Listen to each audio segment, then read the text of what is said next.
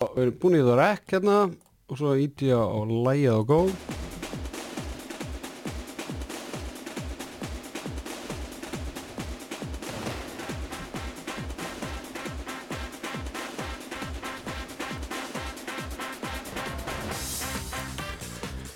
Já, komið sæl og blessu verið hjartalega, hjartalega velkomin að viðtækjónum. Það er sérfræðingur sem heilsar hér í morgun sárið, aldrei verið vaknaðar jafn snemma í upptökur í handgæstinu. Búið með 10 kílómetrana og uh, ég veit ekki hvað og hvað.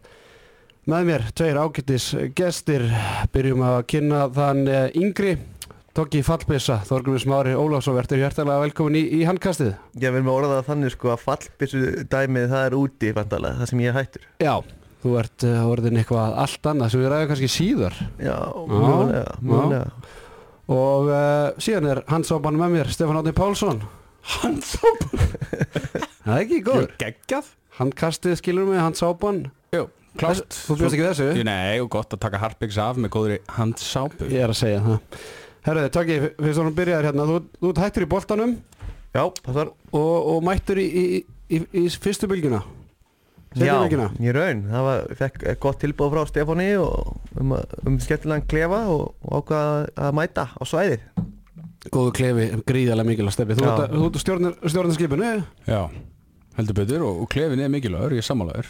Við erum náttúrulega að byrja þú, þú verður með okkur líka.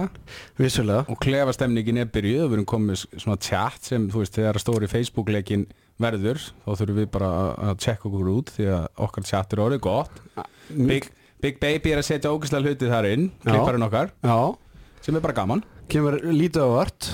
Beint úr grindavíkinni. Það er, það er svarinn. Það er nú bara, það er nú bara þannig. Andlit grindaðegur, Já, Egil Bergjesson sammála því. Æ, já, það eru nokkri þarna sem hættir að, en, en, en já, hann er líklega, eða sennilega, nummer eitt á þeim lista. Já, fyrir utan mömmans Mammans er náttúrulega bara nummer eitt í við. Það er konan sem er hérna í myndbandinu sko, þeir, skor, þeir hérna, skora og skora Já, aðal stuðningskona uh, uh, Grindvíkinga í körfunni. Dökkart með topp svona. Það, sko mammans babies er, baby er bara, hún er geitin að það í Grindavík sko. það er ég þarf að taka þetta ekkert um hann. Já, Ég held að geitin, var í höllu eða eitthvað. Já, ég, núna veit ég ekkert hvort hann vitið það að geitin, ég heyrði það bara um daginn eða svo um jólin, ég var hvað, þetta er geitin, þetta er geitin. Ég held að þetta var bara slangur yfir geitina sko. Ekki að þetta væri hérna vísun í Goat. sem væri sko greatest of all time, eða ekki? Jú Há rétt hjá þér, Tóki? Sko, Þetta- þarna, mér finnst það geggjað punktur hefur tókið því að stundum lendir maður í því að það er allir að segja eitthvað og maður skilur það ekki. Svo verður tí, líður tíminn og það er, maður er orðin og sett til að spyrja hvað þetta þýðir og það er akkurat það sem þú ert að Já, lenda þetta var sjóra frændi minn sem sagði bara, já, greatest of all time ennur, ég eitthvað "Já, þetta er áhugavert Ég, fyrst við byrjar að opna ykkur, ég spurði félagið minn um 15 mm bara í síðustu viku sko. Já, Ég hafði ekki hugmynd um hvað hann á baku þetta væri allt saman. nei, ég lendi ógislega oft í þessu og eitthvað svona FOMO og eitthvað dæmi ég veit ekki hvað það þýðir og ég er nú al- al- al- langt síðan að ég er nú setni að spyrja hvað það þýðir sko. Ég þór ekki svona að spyrja út þess að 15 metrar sko. Nei, Nei, sleppum því, við erum, við erum líka í öðru í dag. Það er rétt. Herra strákar, við erum komnir hingað til að hitta upp ennþá eh, áfram fyrir Ólistil Karla, annar þáttur hankastins fyrir tíðanbili 2022 til 2023 og ég sett ykkur í, í smá heimavinnu, ég baði ykkur um að velja nokkra topp 5 lista sem við förum yfir og, og sérfræðingurinn að sjálfsögðu valdi sína lista en, en við förum í það kannski síðar í, í þættunum og svo í lok þáttarins þá ætla ég að henda ykkur út eins og hver annari kúka, kúkableginni og fá af að kaupa í, í heimsókn. Mm -hmm. Uh, en áður við byrjum strákar þá ætla ég að fara svona yfir kannski svona helstu fréttinnar sem er að gerast í boltanum í dag. Það er náttúrulega búið að nóga, nóga taka. Og hérna ef við byrjum kannski á svona æfingamótum strákar aðteglisvert í ömur skámótuna að háká grill, grillararnir, þeir unnu bara ömur skámótið, þeir unnu gróttu stjörnur og afturlíku bara nokkuð safarandi Já, þeir voru náttúrulega, þú veist, hvað missa er ekki bara eina braga? Faktist. Jú, Bjarki Fimbóður held ég farin út í nám Já. Þannig að þeir Já. eru náttúrulega bara með, voru með óbúrslega skemmtilegt lið á síðast tíðanbili og voru að svona bara erfiður, erfiður anstæðingu fyrir rosalega mörg góð lið.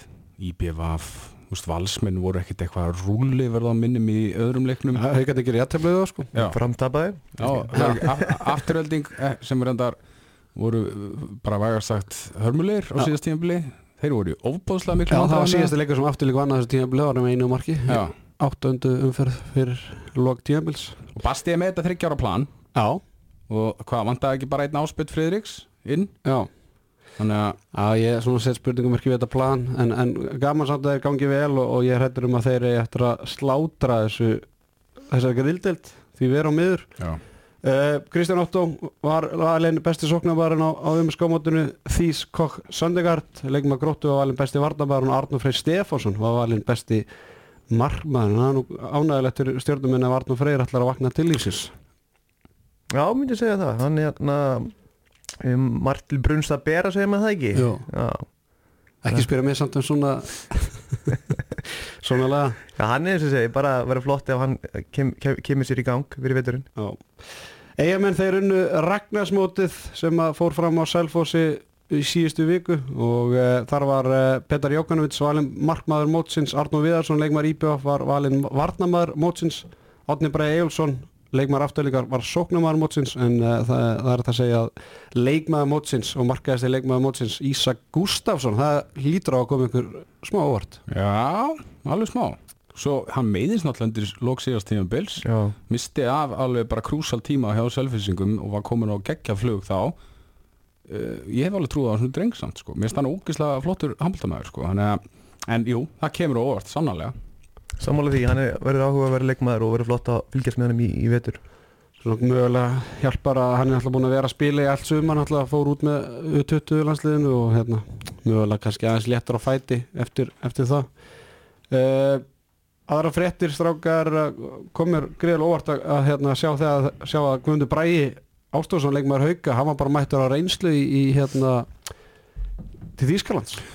Já, þetta er bara, þetta eru risa fréttir fyrir haugana ef þeir bara að missan Já, þá eru þeir bara, það, ég veit ekki hvað þeir verða ef þeir missan sko. það eru þeir, þetta er frábært fyrir hann er þetta ekki, þetta er efstæðdild jú, nýlegar frábært fyrir hann og ógustlega góður handbóltamaður en ég held að þetta er tímabilið þar sem hann myndi gjörsanlega springa út og leiða þetta haukaleið áfram og Rúnar vinnu minn hefur sennilega miklar ágjur af þessu sko. Já, Já, þú, þú replacear ekki þennan dreng sko. Nei, ég er rættur um það. Tóki, þetta, komur, komur þetta jafn mikið í opna skjöldur að, að sjá þess að fréttir? Ég er hann frábær leikmaður og stóð sér ógeðslega vel með afturlningu í vetur. Mér fannst svona svona, eða segja, það vantaði kannski smá upp á að koma inn í haugaliðið eitthvað neginn á, á seinni hlutanum sko. En hérna, ég held að hann verði flottur í vetur og það er bara frá, frábært tækifæri fyrir hann að sína sig þótt þetta sé bara Reynslan, sko. Já, Já, ég skil hann 100% Já, geggja já. múf hjá honum og, bara, og ef maður fær samning frábært sko. já, en sa- ég bara hef aðalega ágjur af deildinni okkar Já. og ég vil hafa hann í deildinni sko. Já, ég er, ég er alveg sammála því og, og eins og Tóki segir maður svona vonast eftir að, að eftir, hann, hann, á, hann á eftir að sp- springa út í haugunum og maður vonast eftir að hann gera það í, í vetur akkurat Aðra fréttir á haugunum, ég held að ég hef nú verið að halda því fram að Heimir Óli hafi verið byrjað að ræða með haugunum fyrir þetta tíðabil en, en svo, er, svo er ekki að með skilst. Hann var alltaf giftast um helgina. Hann er búið að taka mikinn toll af æfinga á læri hjá honum. Já, já, en svo bara spurning hvort hann Já, já, þú veist, hann alltaf var búin að ákveða að hætta sko. Já. Svo alltaf slítur Gunnar Dan crossband þannig að þeir eru fáliðar. Þóngar til að uh, þráið Norri kemur aftur tilbaka eftir árum út þannig að ég trúi ekki að hann heimir látið sjá sig. En, en hann er vist ekki byrjaðar að æfa. Nei, hann var með mér á tenni í sumar sko. ok, og þú ert erlendis bara alltaf Já, já, ég er búin að fara svolítið mikið. Já, post-covid, er að reyna að nota það. Já. og hann bara lukkaði vel fekk, við fengum báðir hérna einhvern kaffílobakter á tenni þannig að, við lágum svolítið í valnum þar en ég meina Rúnar verður bara að draga hann á flót því að annars annars sendi ég bara baby á línuna. Ú, og það er reynda reyðið línum að það er stutt að fara fyrir hann. Já, mjög stutt að fara, hann býr um býr hann ekki í vallakvæðinu Já, hann býr í 220 Herðu, hérna aðra fréttur Óla Gustafsson leikma Káa, hann er verður frá næstu vikur og, og mánuði jafnvel, hann var í aðgerð á ökla þannig að þetta er skars fyrir skildi fyrir uh, Káamenn, Þorsteinn Leo Gunnarsson. Hann rifbeinsbrotnaði leikmar afturlendingar í Ragnarsmótunu og verður frá í einhverja vikur. En á sama tíma var afturlending með uh, Nemanja Vukovic svartfelling á reynslu, fættur árið 1995 og leik síðast í Abu Dhabi. Strákar, ég horfði nú á, á flesta leikja Ragnarsmótunu og, og hann heitlaði sérfræðingin lítið. Ég, ég sá sko, sá hann smá ég man ekki á móti hverjum hvort það hefði verið á móti Selfoss, getur það verið? Ég, að ég man það ekki alveg.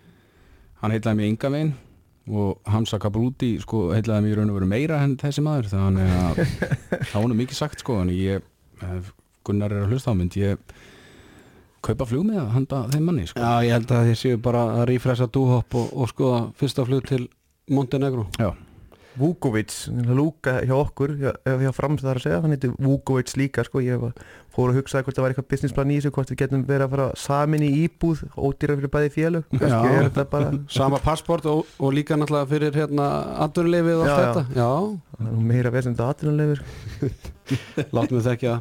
Herðu, það er, er eh, meðsli einni á, á Ísafirði Gundis Pilbugs, næst markaðasti leikmaður harðar í, í grill 66-tildinni í fyrra svo örfenda skittan hann handlegsbrotnaði, það er nokkuð meðsli í regnarflótinu því miður, hann handlegsbrotnaði og verður frá í ykkur já, 6-8 vikur. Og svo eh, undrið, letnarska undrið Endis Kúsnes, hann náttúrulega dattur axtaliði fyrra og komin aftur spilaði þarna eitt leik en, en kom eitthvað bakslað þannig að hann verður frá í einhverja vikur einnig. Sko Eh, varandi hörð Já, nýlegar, kom inn í deildina. Þeirra sko aðalatrið er að byrja vel og þeir meg ekki við sko neinum meðslum í byrjun móts. Nei, þeir, ég sá það líka að bekkur hann helviti þunnur þarna undir lokin þegar að, eins og ég segi, Gundis var frá og endis og svo er Tati og argentísku hotnamar, hann er ekki ennþá komið til landsins. Mm -hmm. þannig ég held að það hafi verið þarna einhverju fimm varamenn á, á, á, hérna, á, á skýslu síðasta leikin þannig að eh, já, við höfum kannski aðeins betur yfir það eftir en með skilstæði séu ennþá að leita styrkingu og, og hérna ég verð bara vikina, ég er fárlega spenntur fyrir því að sjá hörð í efstu deild. Þetta er svona allt annað, þú veist, þetta er bara þú veist, það er einhverju 3, 4, 5 Íslendingar þarna, skilum við svo, er þetta bara skemmtilegur útlendingar sem munu krytta upp á deildina. Maður er líka búin að býða svolítið eftir maður svona hörðu hvað byrjaði að starfa sér líklega bara 2010-11 eða eitthvað líka það ekki? Og ég meina búin að vera í smá svona þróun og svona og, og flott að, að sjá ekki slí að Ég er alveg sammála, mér finnst bara geggja að fá alveg landsbyðar lið í ólistildina sko, fyrir utan á það þessi lið sem hafa verið þarna í, í ára tíð eins og K.A. og IBFF sko. Já, það finnst mér bara úgeðslega gaman að frá, fá hérna liðið að vestan sko og ég er alveg samanlega ræðna, ég er ótrúlega spenntur fyrir þessu liði sko og, og það verður bara geggja að fylgjast með þeim en bara byrjiði vel sko. Sapniði einhverjum punktum í fyrstu sex umfyrónum Já, ég held að það er erfitt prógram í fyrsta leikjunum en, en hérna ég var, ég var endur ekki búin að skoða það ég Nei, veit ég held að þeir eru bara í gríðarlega erfið ég til að byrja með sko. Þetta, var bara valur F og svo, ég, ég var í grótið tvítur sko, þá gerðum við jættaflu mótið val í fyrsta leik. Já, Fengum 16-16 eitt- Eitt stig, já, held að eitthvað þannig. Herru, þá sagði pabbi, já, já, þið fallið allan ekki stigalösir Það er nú bara, það er nú bara lífa fjör í því. Strákar, uh, svo er svona aðra meðsla sögur Þorgesjón Svölu Baldursson leikmaður vals er að glíma með meðsli og, og síðan eru gróttumenn þeirra hafa verið fálegaðir bæði í skámotinu og í síðustu æfingarleikjum Lúði Torberg Arkelsson og, og Daniel Griffin er að, er að glíma með meðsli og síðan er, svona miður skemmtileg saga Elvaru Ótra sem eh, þeir eru söndu við hann, hann hérna, kom til þær í mæ og hann putta brotna á sko í uppbytun á fyrstu æfingun ánast þannig að hann er svona ennþá að- glíma við eh, já, það allt saman. Sko það, það okki sem mittur skiptir eh, sko engumáli fyrir val, myndi ég segja þegar þeir bara byrja þetta og, og rúla á liðinu og svo kemur hann inn í þetta og þeir bara gera eins og valsmennir eru búin að vera að gera sko og ég held að það skipti ólega litlu máli fyrir val en aftur á móti hjá gróttu að Lúðvík til dæmis kom oft inn í, í gróttuliðið á, síðast tímabil og spilaði oft bara vel var að skora fjúmörk og var að skapa mikið. Daniel Örn Griffin Robby hlýtur að treysta svolítið á hann á tímabilinu. Og þeir þurfa að hann verður að fá þess að tvo sérstaklega inn í liði sko. Al, algjörlega sammála því og náttúrulega Daniel koma tilbaka eftir crossband slitt og ég held að hann hafi eitthvað slitið hérna, aftur í læri núna eitthvað, eða eitthvað smávilegt en ég ætla bara svona meðan ég man fyrstu leikur harðar í, í deildinu það er IBA húti mm -hmm. Já, já, svo leikur nummer tvö það er uh, Valur heima. Og síðan er það reyndar auðvöldur leikur heima á mundi Káa í þriðumferðinni það er Já. sjónvarsleikur Já, það er mér, þeir eru alveg þeir eru bara, þeir eru bara sko þeir unnu Káa á Já, Ragnarsmátti núna. bara fara á fulla ferði það það er eitt þar. Eitt þar. Spáum einu, einu á hérna í fatalínunni.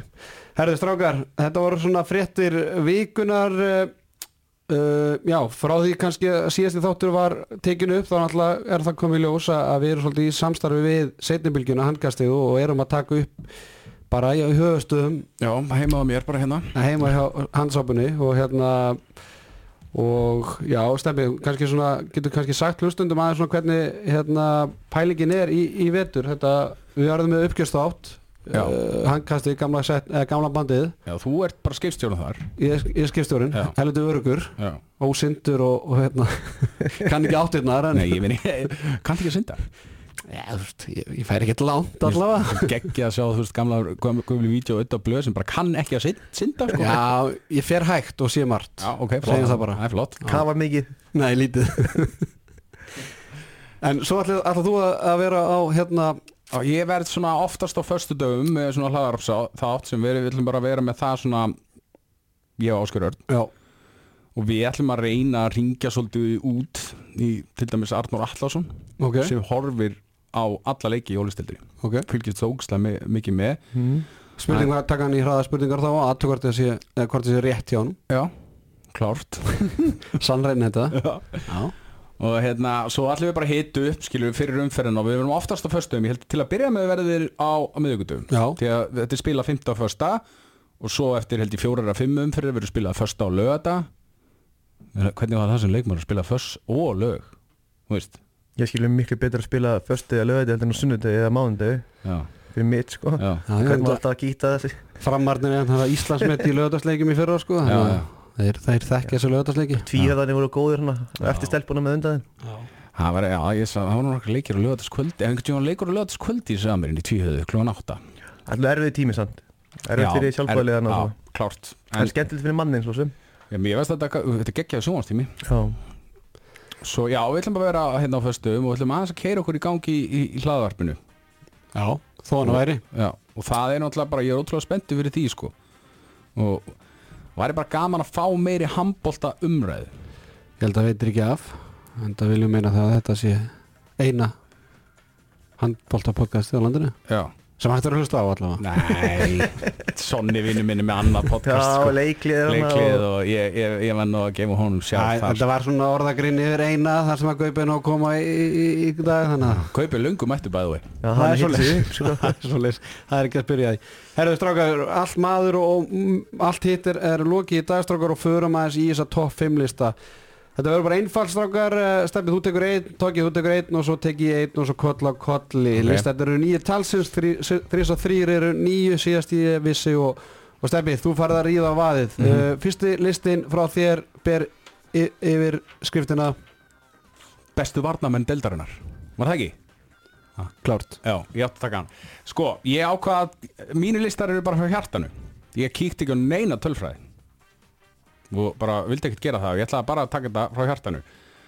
Uh, Sko Er, er, ég- er þetta, þú veist, númer 5 og niður eða? Já, þetta er já, bara, já. þannig ég þarf að og segja hver er besti varnamaður dildarinnar Að þínum mati. Já, Eh, Hver verður besti já. Ég, ég held að númer 5 hjá mér er Herger Grímsson hjá stjörnunni.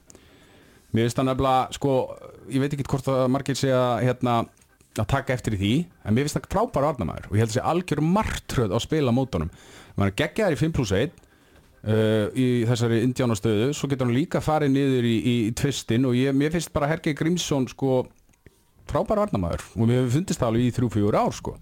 Þannig hann er nummer 5 hjá mér og mér fannst vörnin hjá stjörnun oft á tíðum á síðast tíðanbili sko míglag samt sem áður með Tandra, Gunnar Stein menn sem eiga að vera fínir í vörn þannig að ef Patti getur til að mynda svo erum við komin með alltaf Arnafrey líka. Mm. ef Patti setur hann fyrir framann þá held ég að það væri mjög sko heilla vanalegt hjá, hjá stjörnumönnum. Þannig ég set hann í sæti nummer 5 nummer 4 Steven Tobar Valencia set ég nummer 4 DJ-in sjálfur. Já, og mér fannst hann bara sína það í úrslutakefninu á, á síðast tífambili mér finnst hann geggjaður varnamaður og það sem hann hefur sem mér finnst geggjað og skemmtilegt með, við, við, við, við, við handbóltamann það er að hann er frábæra að stela boltan og mér finnst það bara risa stór faktor að vera góð varnamaður svo er hann bara hérna kvikur á löpunum uh, ég held sem mjög erfitt að hérna bara reyna að finna sig í gegnum hann. Þannig að ég, og svo er hann óbúslegur íþróttamæður bara frá, mér finnst hann frábær varnamæður mér finnst hann reyndar alveg frábær leikmaður bara yfirleitt sko. Og frábært DJ Ég hef aldrei, ég aldrei heyrt hann DJ Æ, mistur að því maður Ég fer ekki, ég fer bara til útlanda til að jamma sko. Já, ok. Ég er ekkert að gera það ekki hérna. Herru, númer, númer þrjú. Birgisteinn Jónsson hjá Gróttu. Og hann, hann er virkilega góður átamæður Sýndi það náttúrulega hjá þér á síðast tíðanbili Hann var með flesta löglega stöðanir hjá ykkur ekki á Jú, bara næstlæstar í deildinni Þannig að, það og svo finnst mér bara svo geggja veist, hann alltaf bara liðið svolítið uppi sóknarlega og það er eitthvað besti, besti sóknarmæður þá er bara svo frábært að hafa mann sem getur spilað á báðum endum allar eins Mhm. og þú veist, eiga menn eru til þess að glíma við það svolítið, að þeir eru með menn sem gera það ekki eins og Kára, þeir eru að skipta á milli og varnar og sóknar. Og þegar þessi nýju, nýja uh, miðjuregla tekur gildi sem er gegguð þá er bara ofbáslega erfitt að skipta. Þannig að Birgisteinn er bara frábær varnamæður og verður það væntalega á þessu tímabili. Númer 2 er Ágúst Birgisjón hjá FH og mér finnst hann uh, virkilega flottu varnamæður og svo, svona oft hugsaði ég bara þegar ég var að horfa á leiki á móti FH með FH, anstæðingur FH með Ágúst Birgisjón og Jón Bjarnaðana í hjartavarnarinnar þetta er ekkert smá múr þetta er risar og samt finnst mér fótarhefingin þeim alveg fín. Þeir eru rosalega þungir náttúrulega.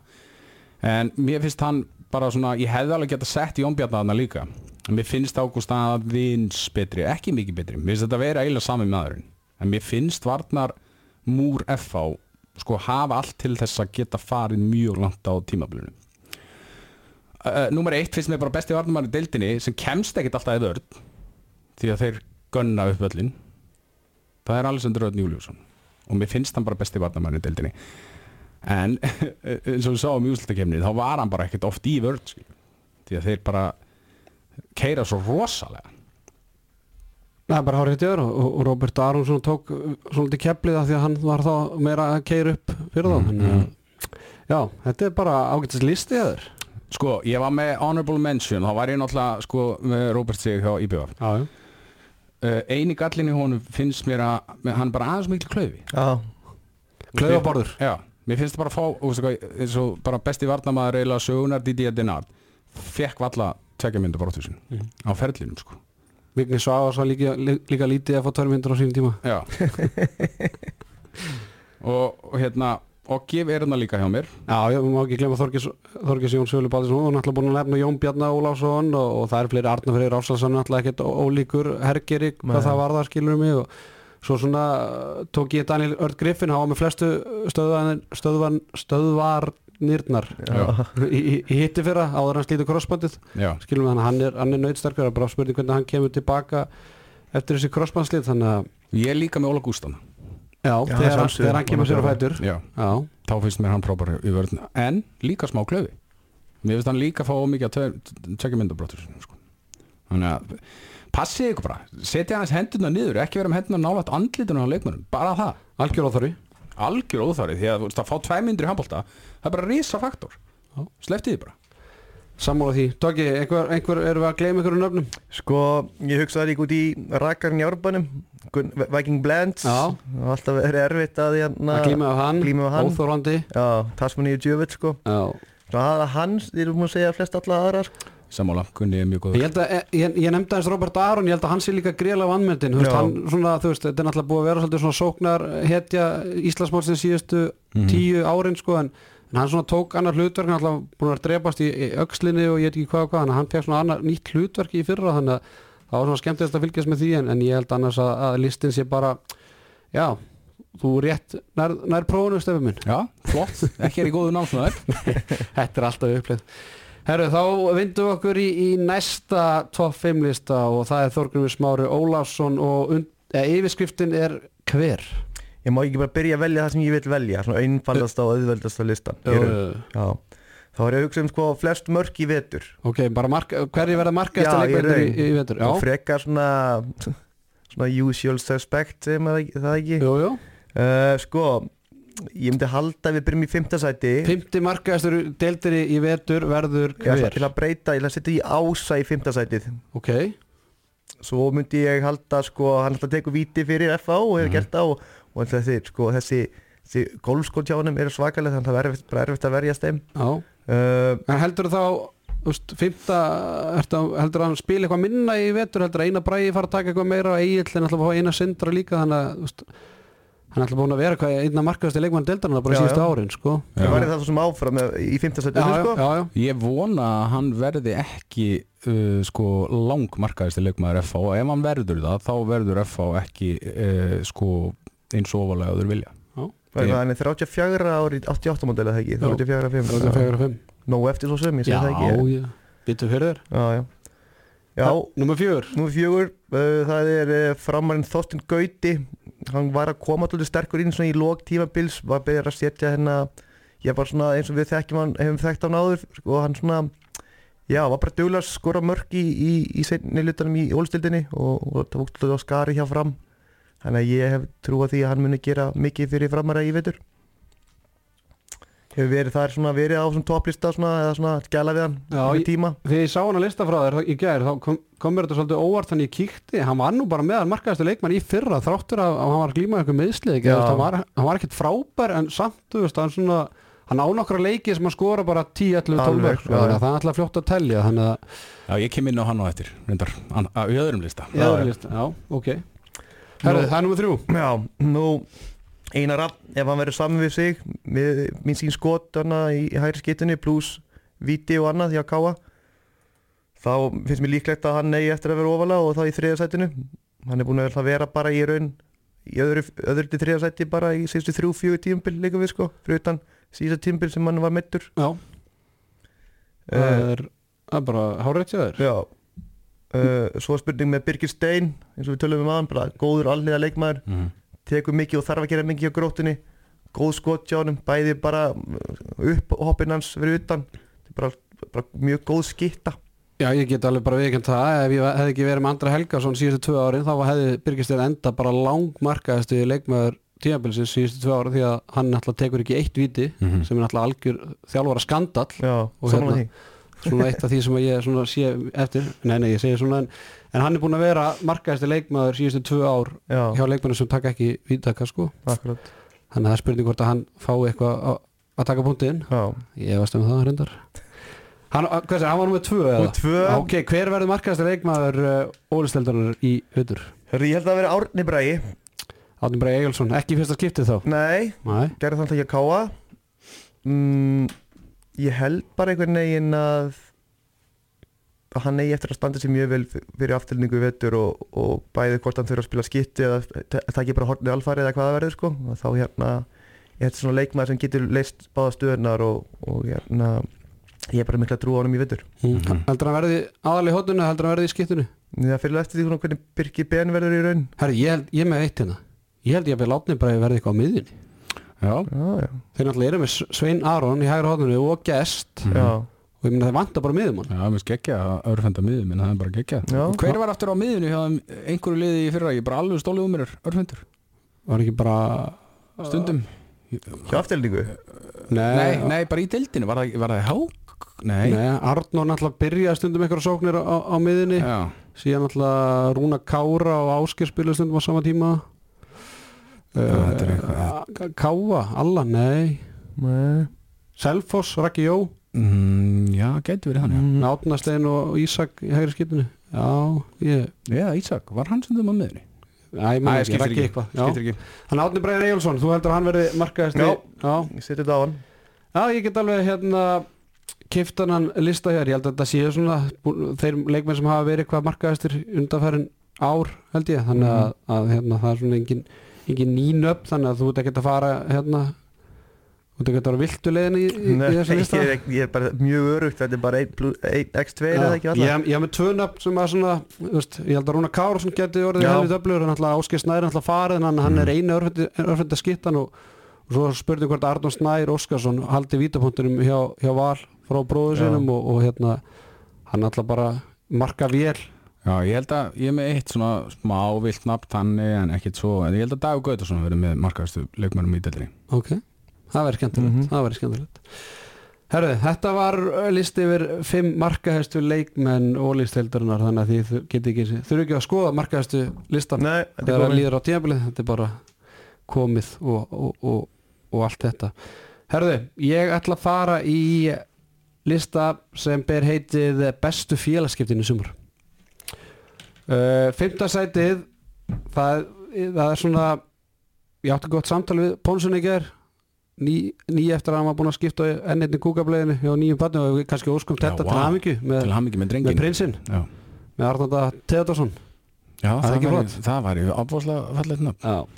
Herðu, það er svona fimmta sæti, það er svona tveir sem koma, svona, eh, ég var með Ísak Rapsson úr FH IBF, ég held að þetta sé mjög gott og skemmtilegt sæn fyrir IBF bara að múra ennþá betur fyrir vörduna og þeir, ég meina Rúna Kára sem var í þristurum hjá þeim allt of mikið í fyrra í í 6-0 vördinu með Róbert og núna 6-0 vördinu með Róbert Sigursson og, og Ísak Rapsson mm Tveir fautar já, tveir fautar og tveir með hæð og tveir með reynslu og tveir með gæði og allt þetta sko, þannig að Já, ég held að þetta sé líka bara Þú veist að tala um sko Gustaf Birgis og Ísak eða Gustaf Birgis og Jón, Jón Bjarnar sko Já. þú veist að þetta er, þetta er hérna, þetta er svona fyrir að minna mig á kannski bara þú veist þegar Jón Þorbjörn og Heimiróli voru í haugavörðinni eða Matti Já. og, og Jón Þorbjörn eða, eða hvað sem það var sko. Óvænt eitthvað detti við fram Ísak að hann taki ekki svona byltuna yfir hann svona, að ég datt, ah, datt yfir þig. Já, ah. missi, missi já, Ég líka held að þetta er bara gott fyrir Erling. Að ég myndi kvíla rúnar aðeins meira. Já, já, ég er bara spila um bakverðin Já, Já, já, hann, bara, hann sprakk í, í undir lók tímabilisins á, á hérna, núna í vor og, og spilaði ekkert bara skilur nægilega mikið og var meittur í, í kálfa og Já. það, ég meina ála á honum skilur, þannig hann er ekkert ungur þannig þannig ég myndi nýta þetta þannig.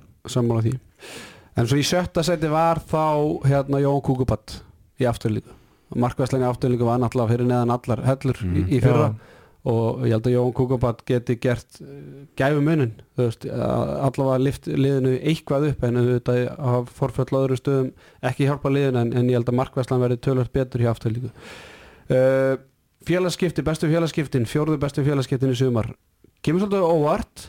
Jóhann Karlar Einarsson mm í stjórnuna Var líka með með tenni í sumar. Já, ok, var Þór Ólafs með þig líka eða? Já, Já, ok. Hann var líka með mér og heyrðu það var allir ólistildin þannig að uh, hverju, Teddy var líka með mér í BF Já, hann er alltaf hann, hann á lögheimil, hann á lögheimil hann segir á á, og við lágum já. líka í hérna Nóróverunni, Já, já, ég og Teddy. Já, hann skuti góða sögur frá Þóri hann Siggi Braga var líka, Já, ok.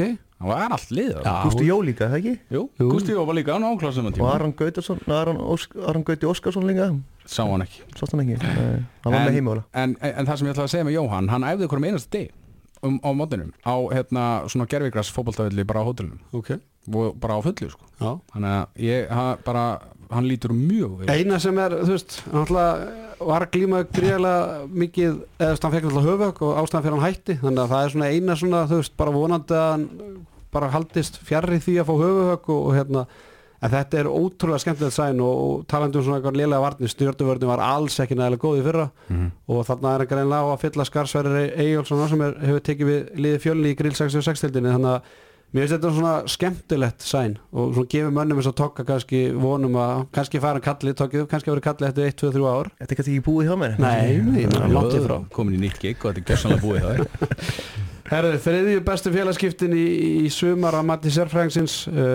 að Jóhannes Berg Andrason úr Viking í, í FO Þetta eru svona þetta var uh, sannilega eftirsóttasti bitin held ég á, á markarum hérna he- heima. Uh, náttúrulega bara þú veist var löngu vitað að hérna Vikingur voru að fara að falla skilum við og það voru held ég bara flest liða í deildinni sem að höfðu samband við hann en, en hann fór náttúrulega bara í heima haga pappa gamla.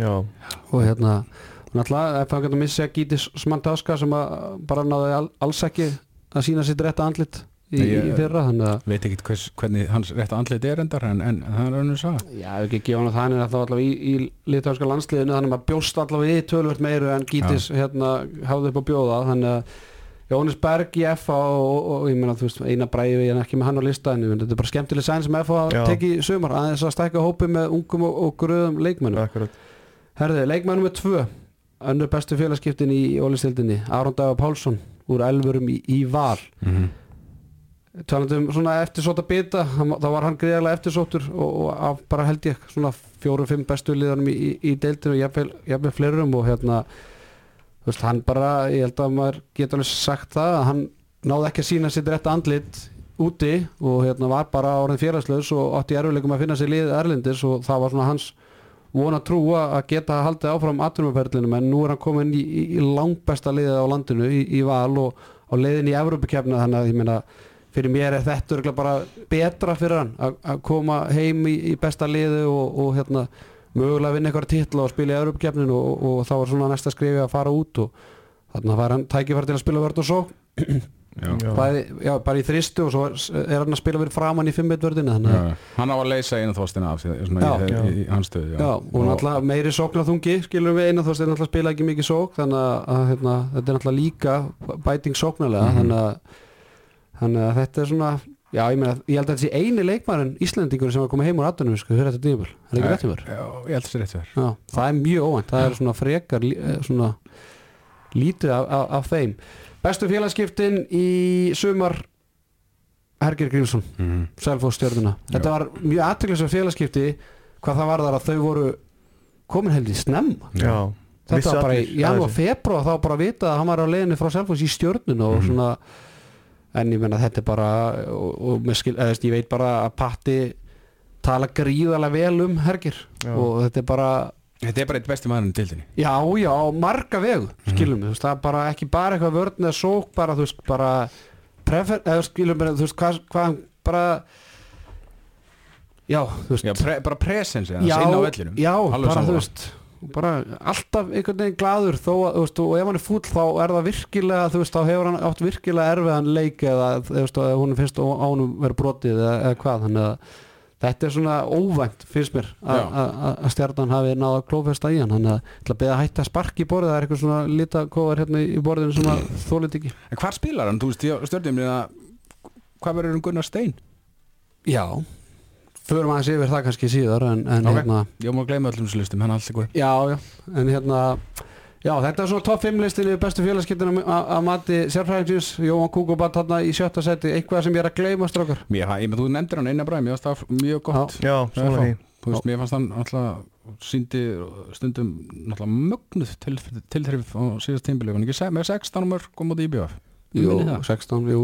Í eigum er þess Fín varnamaður líka, Fínasti varnamaður, já, já. Bara passion í honum Þetta er Ég menn hann er bara þristur sem á að fylla í- Ísak náttúrulega, þú veist, að, Já. kannski ekki jafn, sjóaður í, þessu en, en þarna bætir hann, í, fyllir hann það skarð þannig að þetta verður Jón Bjarni Ágúst og eina bara í þristunum og hérna.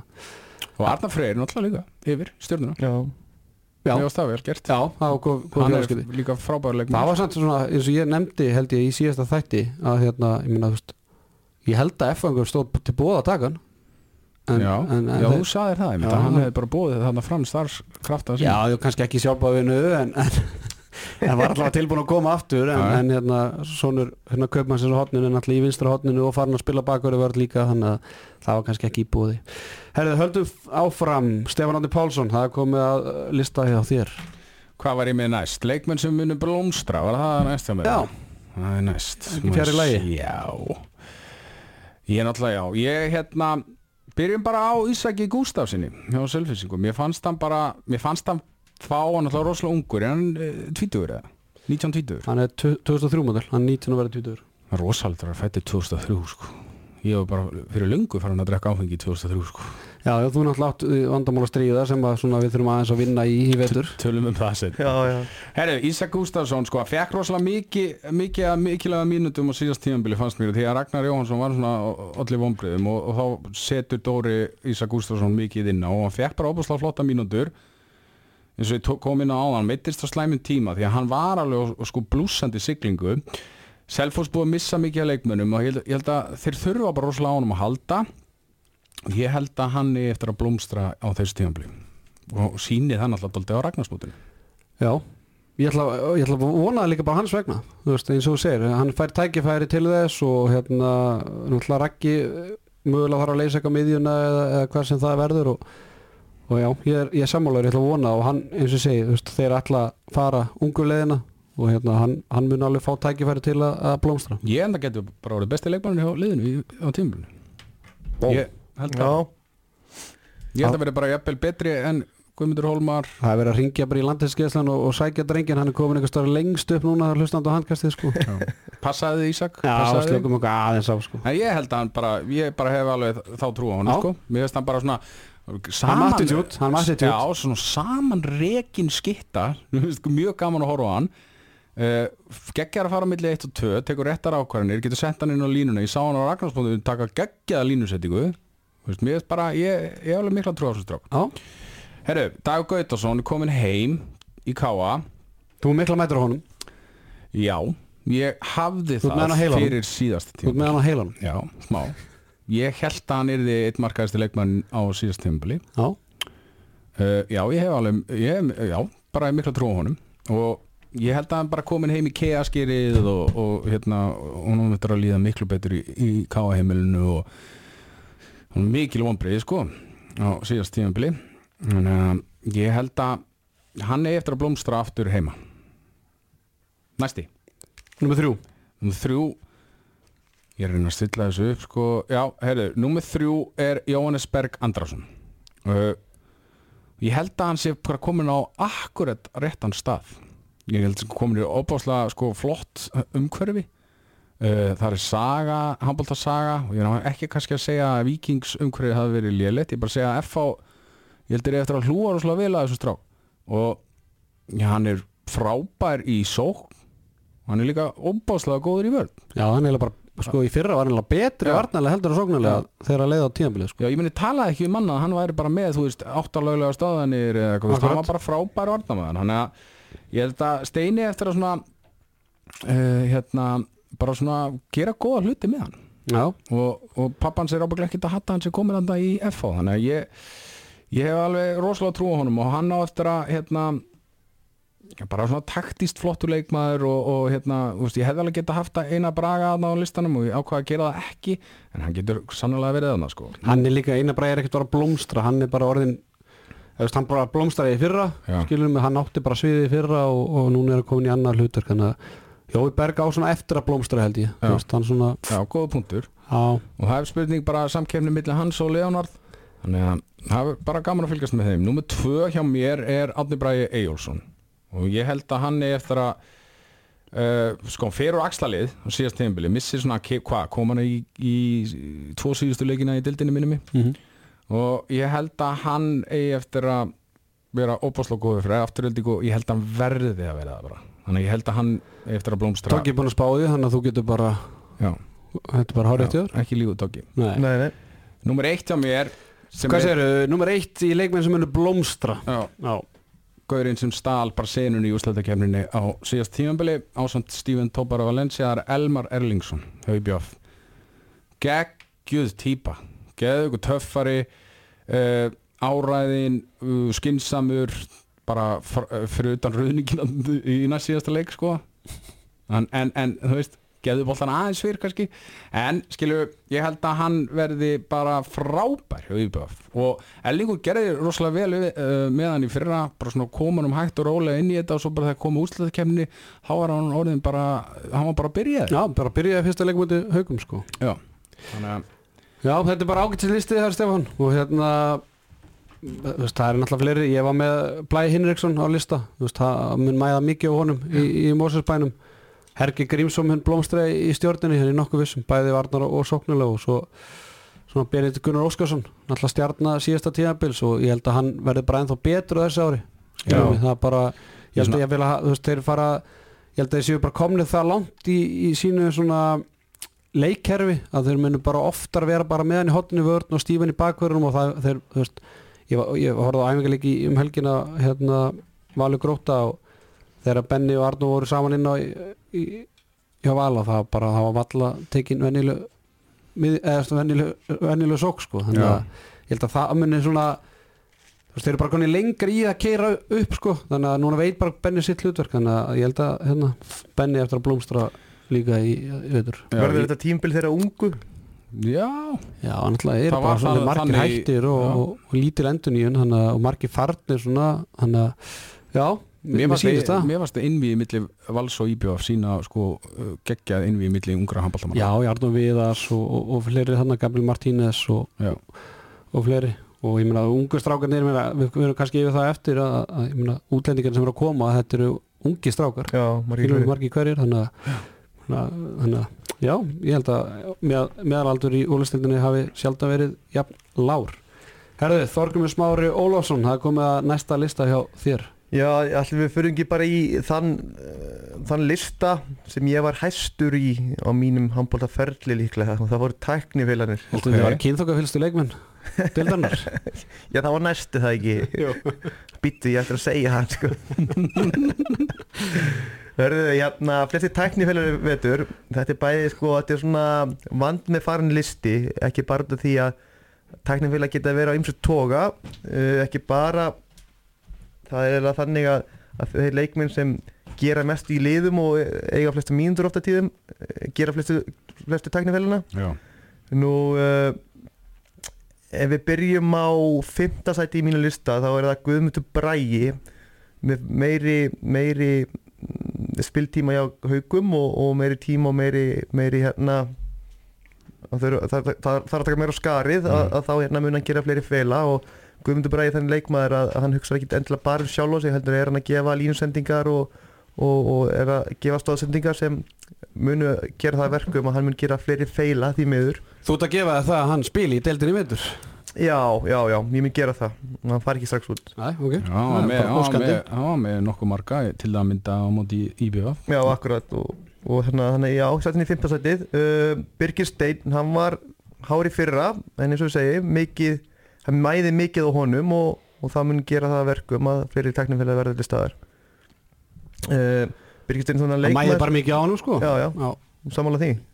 Eina sem að, þú veist, eina sem að ég segja ekki um mótið, þú veist, að Danin, þú veist, ég held að Danin muni taka meira til sín heldur en kannski aðri leikar sem spiluði fyrra og svo alltaf kemur Griffin inn og, og þeir eru kannski með aðeins meiri breytt, þú veist, þegar Já. Griffin og, og kemur inn og en að það mæði mikið á hann sko Akkurat þannig að, þú veist, já, höldum áfram Já. Nú- Númer þrjú Þriðasætið Dagur Arnason, IBVF aðalega það að Dagur er rosa mikið þannig miðjumar, hann spila mjög mikið svona línuspil með Kára og á gó, mjög góða línusendingar til Kára og gerir þetta mjög vel en einhvað síður þá er það bara með fleiri línusendingum þá koma fleiri feilar, leikmenn komast í boltan og ég vil nú meina það að, línumenn eiga að taka 50-50 af teknifilin sem er á línunni sko. Þetta er meira svona að missa boltan þetta er ekki skref eða, eða hérna, tvíkref eða eitthvað, þetta er bara meira það að að bolti rætt ekki í, í hendur leikmanns.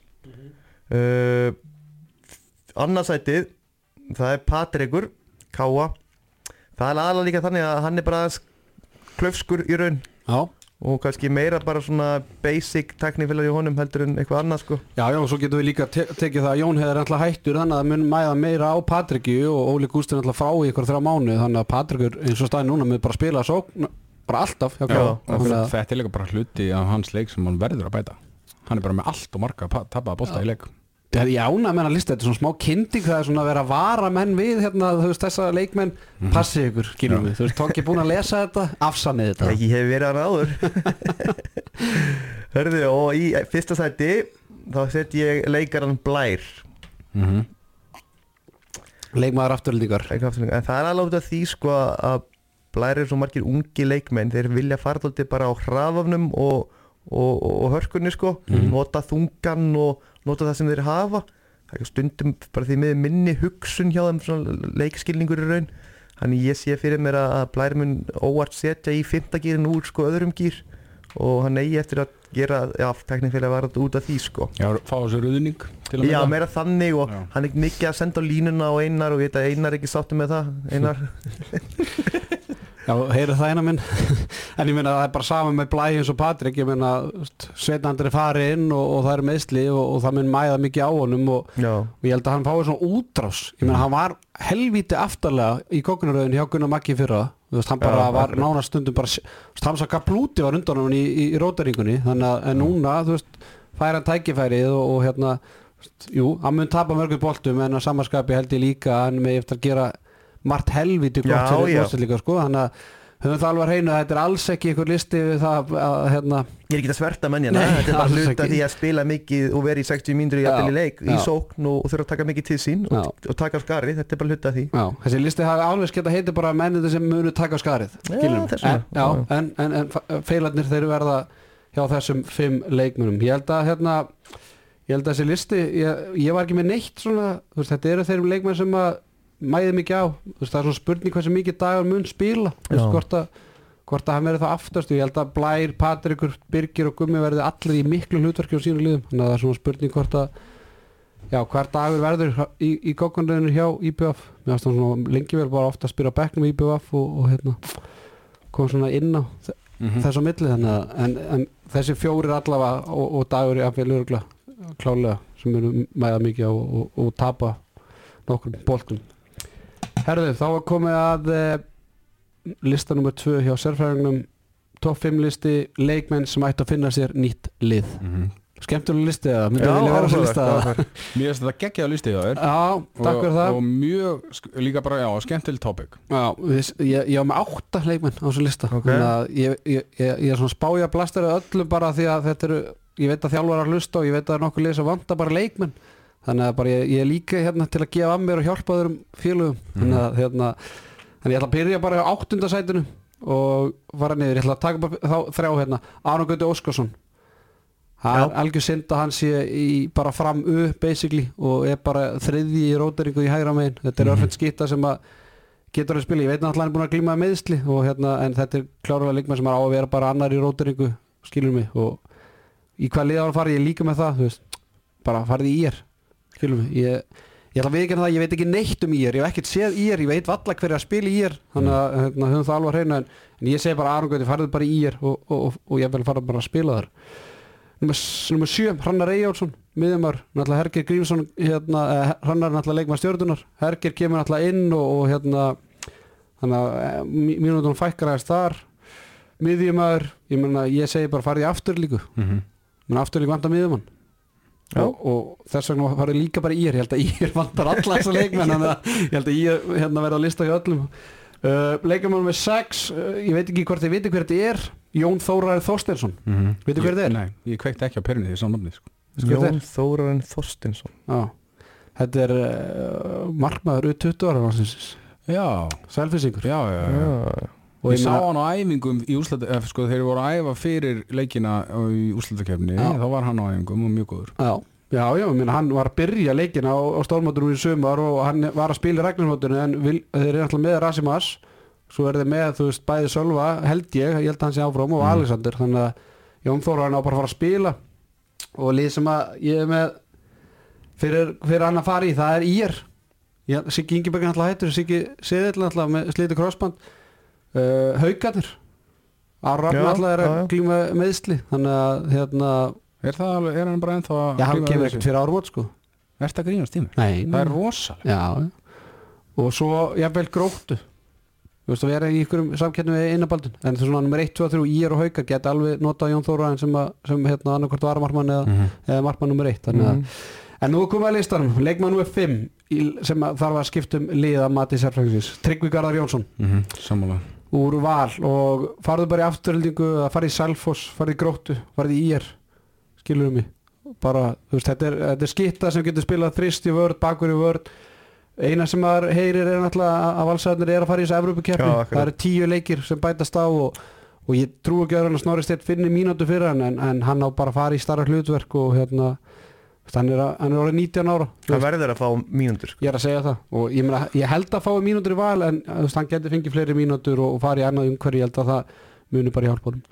Númer fjögur, Kristofur Andri Daðarsson, svona formansins, Mhm. Varaformann varaformansins, Já. já.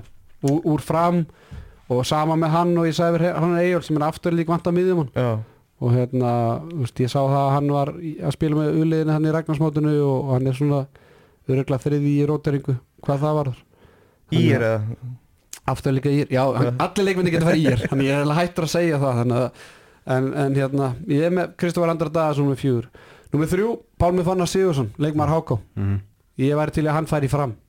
Já, Já, bara mjög skemmtilegur síðast tímabili. já skemmtileg varnamæður Já, Hann bara svona flottur frömmur vant að varna mann Já, Mhm. Þú veist, það er bara nokkuð einn staðan. Ég, ég er náttúrulega leikrendi hérna, öll liðin í fyrra og, og mér varst bara fram með miklu basli varnarlega og hérna, vant á svona ekkert fauta Mhm. skilur mig Já, þetta er svona líka maður sem getur gengið fram í raun skilur og þú nærði jafnvel ekki að fitta en að góð fram í hann sko. Það er bara svona massífi gaur sko. gríðarlega sterkur Já. og algjör synda sig að spila í, í grillinu í ár og hérna, þú veist, hann er ekkit ungur árum þú veist, hann er að verða þú veist, 26 ára Hann er mér í háká sem ég var í háká sko. Ég fór bara 2000 já, hann fór úr haugum í þrjaflokk 2012 eða hann eitthvað sko. fór úr haugum í háka í þrjaflokki Já, hann er nefnilega miklu eldri maður heldur. já, hann er gamal sko. Herðu, nummer tvö, það er annar hákangur Kristján Otto Hjálsson, línamöður Það var bara skandallið það ekki, var það ekki. Já, miskilningur Það er bara fáránlegt að hann sé ekki fyrir að spila Vantaði í klausu efstu hjá Já. Og ég veit það að Valur höfðu samband við hann í, í sumar og hann fór að fund með gróttu og hérna en liðið sem hann ætti að fara bara í núna eh, sem ég bara, bara hand down, bara haukar klárlega. afturölding skilur mig, þú veist, þrándur er farin og Mhm. þú veist, þeir eru með Pétur og Einaringa þannig að, þú veist, haukar klárlega afturölding og hann alltaf var í haukum Mhm. þannig að eh, þannig að eh, klárlega Vilt þú ekki taka á því fyrir ekki að vera bara umbóðsmaður fyrir þessar einstaklinga sem kunni ekki en- endilega semja ég er sko? bara til í allt Já. þú veist, ég er til í umbúrsmaður ég er tilbúin að hjálpa liðum að, að finna leikmenn ég er tilbúin að leikarina fyrir liðin og Mhm. Bara, skilur mig, mæta og vera kynnir og, og klukkunni og bara nei mitt tók ég minn. Herðu, hérna nummer eitt, leikmaður sem þarf að finna sér nýtt lið. Óvænt nafn en það er algjör synd að þessi leikmaður sé ekki búin að spila í ólisteldinni síðust ár. Það er bara fyrir ógeðslega í töðunar á mér. Kristján Orri Jóhansson Já, leikmaður í er, besti leikmaður í grillinu síðustu tvö ár, þar aðar með kríunni. Örfendur getur spilað í skittu, hotni, fínasti varnamaður frábær hraðablismadur vítaskitta hann er 9 29 ára. Hún líði bara svo vel í dag, eða ekki? Að taka bara 2-3 ræðin fyrir viku, spila en ég meina hann er ekki að spila þetta í ár. Þú veist, hann er ekki með neitt lið og nei. þannig að hann er bara free agent. Já, þannig að það er algjör katastrófa Kristján Orri sé að fara að taka sér þriði ár án þess að spila í, í deild þeirra bestu og hérna algjör synd. Þannig að Ég svona að, listin. ég held að hann sé bara ekkert að koma aftur í östild Nein, það verður bara að opna veskið. En við bjóðum því hjartalega velkomin Kristján. Já, klálega, Já, klálega. Herru, eitthvað við þetta að bæta þetta nýgir Með, það er náttúrulega mjög erfitt að að bæta við þú veist með áttamanna lista. Og meira sem einhver leikmenn sem þið vissi ekki sem hverju væri sko. Þannig að nei, þetta er frábær listi þar En Ég mist Kristján Otto sko bara dröйfa sig í hauka. Já. Sammála því. Hún er búin að vera þar áður náttúrulega bara, bara Þekki fjallinnar Herru, Stefán Andri Pálsson að komið að þínum síðasta top 5 lista. Wow, ok. Það er leik, sko, leikmenn sem þurfa að gera betur á þessu tímabili og svona smá vonbreiði hjá þeim á, á síðasta tímabili. Númer 5 hjá mér er sko, það er Tandri Már Konráðsson sem var allt í lægi hjá stjórnunni oft á tíðum. Ég veit bara að fá meira frá honum. Hann kemur inn í lið og ég bara þetta á bara að vera, veist, besti leikmaðurinn í stjórnunni hann á bara að vera það. Hann, á, svona, hann og Hergir eiga að vera bestu leikmyndi í stjórnunni og ég set, ég set Gunnar Stein á hann lista líka sko. Ég er alveg sammálaður, ég ákvaða að velja eh, Gunnar Steinn, sko, mér fannst Gunnar Steinn sko, Þú trefnar á honum, það er ekki reynlegt Það er ljósu lokkarnir mér fannst hann einhvern veginn svona, þú veist, hann var með ótrúlega oft með mjög mar margar stóðsningar til dæmis Mhm. og sköpufæri. Hann hefði mátt skora miklu meira, en Tandri til dæmis varnarlega, ég var að tala um á hann að vörnin var að leka allt og mikið hjá stjórninni, hann á bara að vera eitt besti varnarmaður deildarinnar, sko, að mínum að því, sko Sammála og, og ég vil bara fá aðeins eh, meira frá honum mm -hmm. og uh, númer fjögur er annar maður sem var í stjórninni, það er Dagur Gautarsson sem ég náttúrulega, hvað hva, sagður ekki ég er obsessed á honum, Það tala um er bara, er það Er grínast hann á eða? öllu listanum með það? Má- Ja, má- hann er hann er- hann er, hann er, já ég er með það hérna. Þetta er fæðingadagur Kekst á tenni sem var ekki? Ég hitt hann undir ekki á tenni en sko hann þarf bara, hann var alltaf bara alls ekki nógu góður á síðast tímubili og þarf að gera miklu betur. Og ég náttúrulega er með hann á listanum hann muni blómstra, þannig að ég er svona að gera alveg ráð fyrir því, en hann verður að gera það. Hann var náttúrulega bara sko langt undir pari á stjórninni uh, síðan er komið að manninu sem Tók, ég, ég man ekki á hvað lista þú varst með þennan dreng en að, Þorsteinn Gauti. Og þú talaður um að hann, Markaðistur Já, flest mörg Já, sko, Þorsteinn Gauti eh, skora alveg slatta mörgum á fram. Var með svo 23 skot sko, Já, í leik. Uh, hann var með tapað bolta. Mér fannst hann bara hann olli mér vonbriðum sko. Mér, ég vil sjá meira frá honum sko. Þegar mér finnst hann frábær í handbolta skjóta var svona, aðeins, þurfa að vera aðeins skinsamari veist. Því að ég man, ég, hann var bara með marga leiki þannig að hann var með yfir 20 skot í leik sko. þannig ég vil frá skinsamari leik uh, ég vil hann gefi boltan svona þú veist aðeins á betra momentum opna meira fyrir, reyna að koma honum inn á línuna, koma í árás, setja hann inn í hot. Bara ég vil fá meira frá honum. Meira takk, Já. meira, meira, já, meira miklu meira. Annar, það er Þorsteinn Leo Hann er þriðasetti þá? Þorst, já, Þorstin Gauti var í þriða ok, já. Uh, Í fjórða sæti er, er Þorsteinn Leo Gunnarsson hjá afturöldingu og þetta er bara svona gauður sem ég vil að bara þú veist, það eina sem ég er svona vanta hjá hann ég vil að hann bara bossi deildina. Þannig, veist hann hafa allt. Hann er risastór uh, hann er með fín skot hann er með ágætt hreyfingar með hvað hann er hávaksinn ég vil bara að þessi gaur fari núna að sína en sko, í- þetta er bara svona höstum á honum finnst mér sko. Mér finnst hann vera 1 og 1 og 11 á hæð í, í andlitinu. Ég trúi því að Stefán Átnarsson hjálpur um að blómstra. Já, Já. ég sammálaður. Og hérna, félagsgýþamarkarinn þar var frábær hjá afturlíku Já, reyndar, Steffi Átna hefði átt að vera þannig í Já. Og hérna ég, ég ólst upp með þeim drengarna fyrir norðan sko, þannig að það er er alvöru, alvöru drengur. En ég held bara, ég vil bara sjá miklu meira frá honum og bara, þú veist eiga eitt geggja tíðanbill því að þú veist, hann, ég meina ef hann væri frábær leikmaður í ólisteldinni, þá væri hann ekki að spila í ólisteldinni. Það er bara, hann er bara með svo mikið handbólt skrokk Númer eitt, eða númer fimm eða númer eitt og whatever. Æja, hvaða leikma þarf að gera? er bara miklu, miklu, miklu betur. Það er Ragnar Jóhansson hjá Selfossi. Hann fær ekki tæk- tækifæri til þess. Nei, Ísak, Ísak er verður búinn að taka það að þér. Já, algjörlega En þetta er náttúrulega, það má skipta eins mikið og þú vilt í handbólta Já, þannig að þú getur já. verið að dreifa álæðinu Fá rakka á miðuna og svona.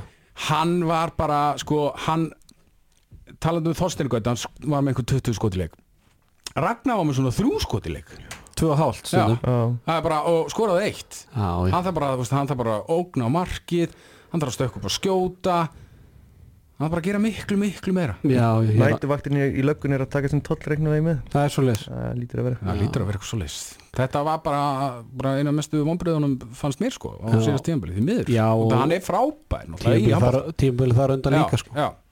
þannig að bara þarna, og sérstaklega sem selfinsingar eru að missa mikið þá verður hann bara að gera svo vel að gera miklu betur. Það er bara með allt og marga örfenda leik. Já.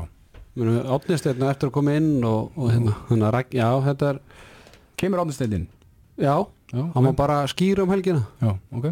Þannig að var smá eimsli ég og- meina í úslitakefninni átnisteynd kemur inn og hann gera miklu meira en Ragnar Eður, já Hvað segir þið, hvenar?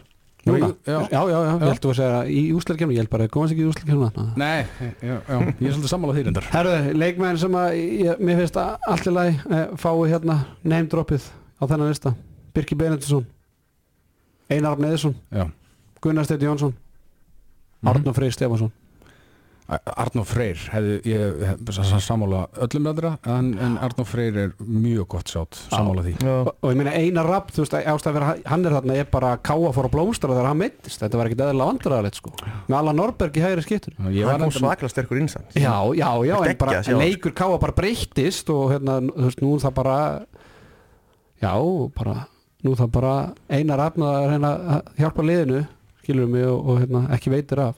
Já. Herðu, góði listi Stefán og ég ætla að vona að þú hefði ekki grætt neitt heldur bara fengið menn til að rífa Hey, ég er Þyngri náttúrulega, lóð er allir, allir þessi leikmenn sem ég er með á listanum náttúrulega bara eiga það samanlegt að vera frábærir handbóltamenn Jú, jú, vissulega, annars er það ekki á listanum. þú veist, já. Klálega Herðu, Þorgrymur Smára Ólafsson það kom að síðasta listan á þínum í, í, í dag. Já, það er ekki svona svipa listi og hverju munum blómstra í raun. Þetta er bara svona hvaða leikmenn verður áhugavert að fylgjast með í vetur. Já, Mhm. kannski á einhverja, þú veist, blómstar voru þeir kannski aðeins yngri skilur Já, já, akkurat, akkurat. þetta er bara í svona, blandið annað sko. Svona að þú mæli með að fólk fylgist með Já, þessu bara leikum spennandi dæmi eitthvað. Hérna, Við byrjum á, á 15. stöðunni þá erum við að tala um Elmar Erlings og við sem þurfum ekki að fara mikið út í það. Við tölum vel um það áðan. Hann kom bara sterkur inn í úslitaðin við í, í, í, í, með IBVF og það verður spennandi að fylgjast með honum hvernig hann kemur meir inn í þetta í deildinni í vetur. Nú, í fjórða sæti Hvað var ég með þetta? Það er hægstu með ungan drengur breiðaltinu eða ekki? Jú, það passar. Ég er með ungan dreng og þetta er kannski smá svona skot út í bláin mölalíti Já, já. En ég veit að þessi strákur hefur hérna, sínt flotta takta. Það var flottur í ólistættinu fyrir tömur Já, akkurat og, og bara flottur með en í er í, í vetur, í síðasta vetur. Að hann heitir Viktor Sigursson mm -hmm. miðjamaður Miðjum góð- að slaskitta Já, góða reyfingar og bara svona verið gaman að sjá hvernig nýliði eða svona nýliðan er að koma upp hvernig hann kemur inn í, í deildinni í, í, í vetur. Já, bara mjög skemmt að sjátt og um að gera að gefa íhengunum eins mikið sjátt og hægt er á þessum erfiðu tímum. Já, Mhm. þannig að bara og náttúrulega þú hefur náttúrulega tengingar í breiðaltið það ekki tókið Jú, eins og mar- á svo öðru stöðum líka. Já, þannig að ég, ég svona finn það svona þú ert að reyna að koma Já, áfram. ég verið mittlið eins og hvert annað Já, sem ég spilaði. Þér já. Herðu, það er nummið þrjú. Hörðu, nummið þrjú, uh, það er Þórður Tandri, línamaður stjörnunar Mér finnst hann vera mjög áhuga að vera línamaður bara með góða staðsetningar og góða blokkir og, og með lágan þingdabúnt þetta er svona flotti línamaður finnst mér en sá kannski ekki mikið af honum í, í, í fyrra, fannst Mhm. mér.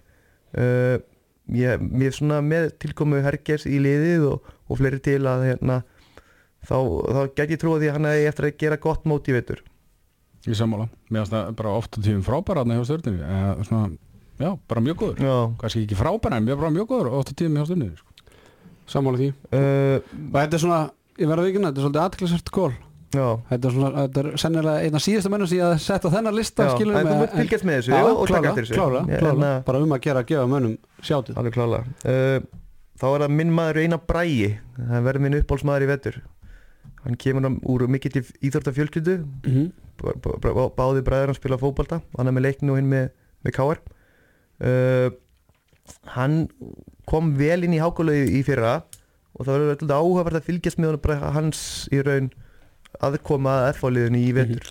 Hversu mikið og hversu, hversu vel hann kem, kemur inn í þetta. Já, hvernig hann er að aðlagast nýjum handbolta bara Já, var stór fiskur lítið til tjörn í Háká og nú er hann komin í stóra tjörn verður hann áfram sem stóri fiskur eða, eða, eða hvað verður sko? Ég mæli alltaf eins og með að, að forðast að fara í tjarninar Mhm. en það alveg hreinu bara. Jú, jú, þannig að jú, reynum að forðast að bara einu bara en, hérna, mjög ávert, ég sammála ég sammála þessu Herru, þá er það leikmaður efsti leikmaður á listanum. Já, og það er svona bara þannig sé áhugavert búin að sjá hana leikmann algjör, rosa stór durtur sko.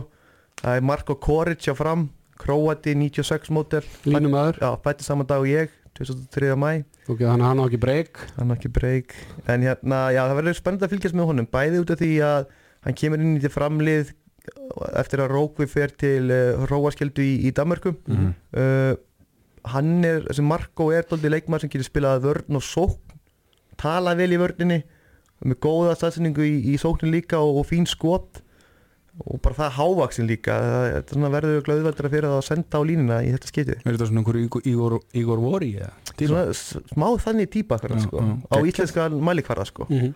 en hann spilaði, var, var fín í, í bregans í Östuríki og var búin að spila það lengi þannig að það verður áhugavert að sjá hvernig hann kemur í íslensk, íslensku deildina Það var listi Þorgir Smára yfir leikmenn sem var áhört verið að fylgjast með. Bara meðan ég hefði tókið, hún ætlaði þekki til framleysins, hvernig hafa þessi útlendingar komið inn? Þeir náttúrulega fengu hann örfendu skittu líka frá Bergens. Já, hvernig kemur þetta inn svona fyrstu vikunar hjá, hjá framleiðinu sko línumæri Marko búin að vera flottur kemur vel inn í þetta. Svona, Lúka, svona, það mun taka aðeins meiri tíma fyrir hann að aðalast íslenska boltanum held ég. Mm. uh, ég sé fyrir mér að, að hérna, Marko verði líklega betri en Rókvi var fyrir, fyrir okkur í fyrra og Lúka verði líklega aðeins verri heldur en uh, William Poulsen sko. Mhm. en hérna ekki að mikil marka vel skilst þetta er svona öðruvísi líka spilar dóldi sko, meiri fittari og svona. Já, en hérna, við þurfum að gefa hún tíma bara, ég held að það sé uh, mikilvægt. Já, bara eins og Vilhelm fekk Já. fekk hérna, hann bara já, b- blómstraði bara á tímabili 2 kom hann að kaf massaður tilbaka Já. fyrir síðasta tímabil og var náttúrulega stórkostlegur fyrir fram. Mm. annars erum við náttúrulega með mann í sem þriði maður að bekknum Arn Gauti Óskarsson um sko. Það þegar sá maður kemst í gang þá fer hann í gang sko. sammála því, en hann þarf að fara í ír það er rétt verð Herðu, þá er komið að síðasta top 5 listanum í þessum þætti og e, já, það er top 5 nýliðar -hmm. já, nýjir leikmenn nýjir leikmenn í, í eh, deildinni sem að hafa aldrei leikið hérna þeir hafa allt já, þeir hafa allir það saman þeir eru af Erlendubergi brotnir Mhm. og e, nummer 5 ætla ég að velja þetta er svona leikmenn sem fólk ætti að fylgjast með. Verða kannski ekki eitthvað frábærir en mögulega getur orðið skemmtilegir. Nummer 5, Suguru Hikafa leikmaður Harðar. Já, markaðasti leikmaður Harðar í Grill 66 í fyrra. Og svona ég með í sviga að hálbráður hans og, og liðsfélagi úr Vagonaga, Agimasa Ape náttúrulega í gróttu, fekk Mm. ekkert rosalega mikið tækifærum í fyrra. Robby Gunni er að gefa hann meiri tækifærum núna hann þurfti kannski eitt ára aðlagast og hérna, þetta verða, það verður skemmtilegt að fylgjast með þessum, þetta er svona allt öðru í þessu handbóltaleikmenn, skruggufljótir í, í góðu formi. Fyndnar fyndur. Já, bara þú veist, það er bara Er, er þetta einhver sending frá degi? Nei, já, þetta er bara frá Vakunaga Þú veist, AB er náttúrulega var hjá okkur fyrir á gót og í, í hitti fyrir að örfundu hotnamærin þannig að og svo fengu leiði ég Brag og, félugum í herði að njóta. Mm -hmm. njóta líka þannig að veist, það er bara þú veist, það er fyndið að sjá uh, bæ- bæði AB og, og sérstaklega Híkaf að vera að fynda nokkra varnamennin þannig að þeir bara einhverjum fyndur sem þeir aldrei sé áður sko. Já, ok, Já. ekki Herðu, nú er fjögur, þar var ég með ymmit, Luka Vukisevic Já, ekki, Vukisevic Vukisevic. Það er fyrir að skipta fram sem að hérna og innan svega náttúrulega bara Marko Korits líka en, en hérna á mikið tala um þessa leikmenn skilum mig og, og hérna og vera að fá leikmenn úr brekens en, en hérna það mun mæða mikið á honum skilum mig að, að, maður svona sér það á fyrstu leikjunum að hann er kannski ekki mikil markaskóra en hann er helviti flinkur og hérna kann leikið vel og hérna en ég er svona ég er svona sammála tók og ég er hættur um að, að það kannski mun ekki Ég meina Þorstur Gauti verður í, í, í sviðsljósunum sóknarlega og, og fleiri, þú veist, hann verður kannski ekki með markastu leikmanna til að byrja með en ég held að hún mun, vaksa ásmegin þegar það líður á, á tíðanbili. Klarsmál Númer þrjú er Danin eh, Theis Koch Sönnegard frá, Mm. frá Álaborg. Það er spennandi sæn Allir þetta sé ekki, tease Jú, það er eitthvað svona. Tease Já, ég er búin að spyrja grótistrákana, þeir veit ekki neitt sko. Já. Eh, Hvað er að segja? Þís? Ég veit það, ég er alltaf bara bjóðið í Danmörku. Tease Cock Senegal Tís? Já, ah. Tís. Já, ég er sammála. Bara Tís. Tís Koch Sönnegard. Uh, Tvítuðu strákur sem að gróta er að fá frá Álaborg í gegnum Arnur Allarsson þannig að Stebbi, það verður þitt hlutverk að spyrja hann aðeins út í hennar leikmann áður en á tíðanbili Já. hefst kannski Já, í klart. uppbytuna þættinum þannig að uh, þetta er miðjumæður, hann er búin að spila vinstra megin, hann er búin að spila hægra megin, hann er þéttur hann er, hann er að spila bakverð og þrist í vörn og, og eins og ég var að tala um á hann hann, veist, hann er búið að mæða mikið að Birgir Stein síðustu tíðanbíl og þeir náttúrulega missa Óla Brim sem að tók svona þungan líka af þessu og ég held að þetta er bara skemmtilegt sæn að, og hérna, Þetta er svona Joachim Boltsen típa. þetta er meira Mats Mensa típa, Maður mensa já, já, ok. þykkur og, og hérna. Já, Boltsen var það endur ágætt Já, Boltsen, já, já, það er rétt. Herru, nummer tvö, það er færingurinn Janus Stam Djurhus færiskur úlíka landslismæður sem gekkir að þeir IBF, vinstur og hotnamar skruggufljótur, mm. hann mun skora nokkur raflismörkjum Já, og hérna náttúrulega bara færingar er á blúsandi siglingu bara orðin betra við á, á mörgum sviðum handbóltans, þannig að bara frábært sæn og meina, bæði Þís og, og Janus hérna ungir árum og bara frábært að fá svona unga stráka ekki einhver gamla jálka sem eru bara hérna til að skoða landið, veist, þetta eru Mhm. stráka sem vilja ná lengra í íþróttinu já. Þannig að bara frábært sæn IBF þurfti algjörlega á vinstur hóttum að halda. Númer eitt, það er einmitt einnig stráku fættur árið 2002 komin til Ísafjörðar geggjað nafn. Já, Ég ég- ég- veit ekkert um þennan leikmann En geggjað nafn. Já, bara farið, farið á YouTube, skrifið Selfos TV, finnið Ragnarsmótið, horfið á uh, hörður hörður, hörður, hörður hörður uh, IBF okay. fyrstu tíu myndi undir setnáleik hann skoraði tíu mörk í þessu leik. Mm. hávaksinn samt skruggu fljótur, fyndur hann er að hoppa jafnvætis upp Hann er allan pakkan Ja, hann er með allan pakka Já, en auðvitað bara tvítugur og þetta er engin, þetta er engin atvinnumæður hvað heitir hann segir Nóa. Nóa Nóa Bardú þannig að e, þetta er leikmaður sem að veist, vonandi bara að að hörðu nái að gera eitthvað í vetur skilum en, en þetta getur verið leikmaður sem að jáfnvel önnur lið getur síðan hort Mhm. til. Já, akkurat. Í- eftir ári ef að hörður þarf að segja skilu við deildina. Þannig að þetta eru leikmenn sem við að fylgjast með. Við erum búin að tala svolítið um íslensku strákana en þetta eru erlendu strákarnir sem að er að fara að styrkja deildina og, og ég held að bara langt sé voru svo jafnmargir útlendingar að spila í deildinni. Ég ætla að hörðu með sína átta Mhm. en ég menna þú veist gróta og framarnir með og, og, og náttúrulega eh, valsarnir með náttúrulega hérna Saka í markinu og, og, og, og meira til. Þannig að þetta er bara klárlega listi sem að fólk ætti að fylgjast með. Mm. Herði strákar, við erum búin að fara yfir alla listana hingað til, mm. við erum búin að vera í góðar 70 mínútur Settu bara Ég þarf að drífa mig. Já, Settu bara lægið í gang. Það setja bara lægi á. Settu bara lægið í gang Gamliði mættur. Aðeins gamle mættur. Og við laumum okkur bara út. Strákar, takk alveg Takk- fyrir komin í handkastið sömuleiðis. gaman að fá okkur og við sjáum síðar í, í það. Takk fyrir. okkur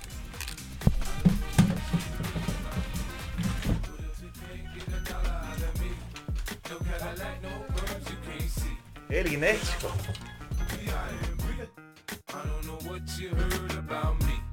Put up, you can't get a dollar out of me.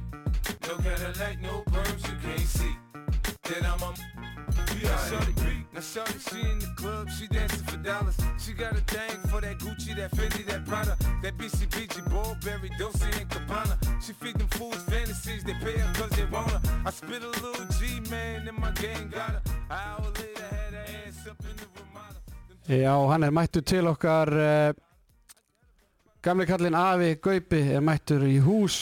Vertu velkomin í, í handkastið. Já, þakkaði fyrir þennan titilvinnu minn og, og hérna velkomin til leiks. Gaman að fá þig hingað. Strax bara áður en að tímabilið hefst Við erum ekkert að býða með þetta. Nei, nei, við býðum ekkert með þetta, við bara kýlum á þetta. Já, kýlum á þetta. Við erum búin að spjalla strákarnir í, í 70 mínútur Þannig að uh, við höldum bara áfram. Ég ætla að vona að fólk sé ennþá að hlusta Ég trú ekki öðru. Uh, Sko ég sjá. Við þurfum að eh, fara í þetta hér. Þú ætlar að fara eins yfir hvað, bestu liðin hinga til? Já, það sem ég hef séð, ég hef reyndar séð talsvert af æfingarleikju núna upp á síðkastið og verið að fylgjast með eins mikið og ég mögulega get.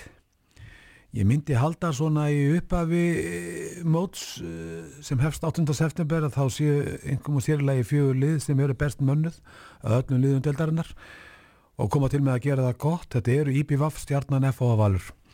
Þessi liði set ég í svona eftirsætin en það má ekki gleyma því að liðið eins og Haukar fram, Selfoss, Afturölding, Gróta og Káa gætu þarna gert usla en ég held að það verða ekki mörglið sem eldi þessi fjögur í vetur. Auðvitað geta þau lenda á misunum staði í, deildinni. Og það er lið sem mér finnst líta best út af þeim liðum sem ég hef séð þá eru eigamenn sterkir. Það hefur kannski sína skýringar. Jú þeir eru að fara í Európa-keppni núna í september þannig að þeir eru kannski öll lengra komnir. Þeir fengu Ísak Rapsson þeir fengu Janus Djurhús sem er styrkur fyrir þá Rúnar Káralsson reyndar einu ári eldri. Hann er ekki með sama backup og hann með á síðustu leiktið, það er engin ásker snær. Þannig að eigamenn hafa verið að nota réttenda menn í þessa stöðu Arnar Viðarsson og Daniel Ragnarsson. Og ég held að þetta muni ganga hjá þeim en hins vegar, eins og við vitum og þekkjum allir í handbóltanum, þá hefur Markvallan svikið eigamenn tvö síðustu tímabil. og Petar Jakanovits, hann þarf að eiga superleiktið, ætli eigamenn að gera tilkall til, til þeirra titla sem verða í bóði mm og, og bara talandu Petar hann var náttúrulega alveg besti markmaður Ragnarsmótsins þannig að hann svona það er alltaf að gefa góð fyrirheit fyrir tíðanbilið en vonandi að hann sé ekki að toppa á snemma. Hann gerði það líka í fyrra, hann var bestur í fyrra líka og eigamenn sko voru í sjálfum sér með mjög góða markvæsla á síðustu leikti því að Björn Viðar dregur það á landi í úslutakefninni en Petar ekkert veginn þessi frábæri markmaður hann náði sér enga veginn á stryk og hann var bara ekki nægilega stöðugur. En til þess að fara alla leið í þessari sterkur deild sem ólistildin er þá þarf það að vera heilt yfir með góða markvæslu upp á 35 til 37% alla leiktiðina mm -hmm. Algjörlega, nú erum við að nefna þessi fjögur bestu lið en svona, ef ég mætti að fá að spyrja þið skilur mig, hvað lið finnst þér að hafa gert svona best á markaðanum í, í sumar? Stjarnan. Stjarnan. Með tilkomið þá Hergeirs og, og, og jafnvel Jóhann Reynessonar línumans líka? Já, og þeir fá Arna auðvitað- Freyr náttúrulega? Akkurat, Mhm. Arnar Freyr Ársson sem þýðir það að stjarnan uh, mun varnarlega vera betri, verða betri en þið voru á síðustu leikti, það er svona mín tilfinning Hergeir mun hjálpa þeim gríðarlega sóknarlega en auðvitað má ekki gleyma því Arnar Daði eins og þú veist, hann tekur gríðarlega mikið til sín. Þannig að liðið þarf að aðlagast honum og hann þarf að aðlagast öðrum leikmönnum. Og svo var náttúrulega vandamál hjá stjórnin ekki bara í fyrra heldur leiktíðina þar á undan var markvarslan, hún var bara ekki og hefur ekki verið nægilega stöðug. Þeir eru með góða stráka, Adam þeir eru með Arnar Frey þeir hafa verið að verja vel skils mér í þessum æfingarleikjum en, en þeir þurfa að vera með markvarslu upp á 35% heila leikti til þess að stjarnan geti gert tilkall til þeirra titla sem er í bóði en, en þeir eru sannlega með lið til þess. Og þeir eru það lið sem mannað sér hvað best finnst mér fyrir leiktíðina. Mm uh, eitthvað lið svona sem verður í basli í vetur, eitthvað svona lið af þessum kannski top fjórum eða þarna í, já, bara, já, ég ætla að lefa bara svaris áður en ég fyrir að halda áfram, eitthvað lið sem verður í basli svona til að byrja með jafnvel eða sem mun, mun vinna á sig Já, miða við það sem ég hef séð, sko, þá lítur Káa að lenda í vandræðum upp af mótsins, sko, þeir missa náttúrulega Arnar Frey, þeir missa Óðin Þór Ríkarsson sem var svindkall í deildin á síðustu legtið og svo er Ólafur Gustafsson mittur. Þannig að þetta er gríðilega mikil blóttaka. Þeir fengu auðvitað Dag Gautason, þeir fá Gauta Gunnarsson, góðir leikmenn, en uh, ég get ekki séð betur en að varnarleikunni hjá þeim geti orðið vandamál uh, að missa Ólaf.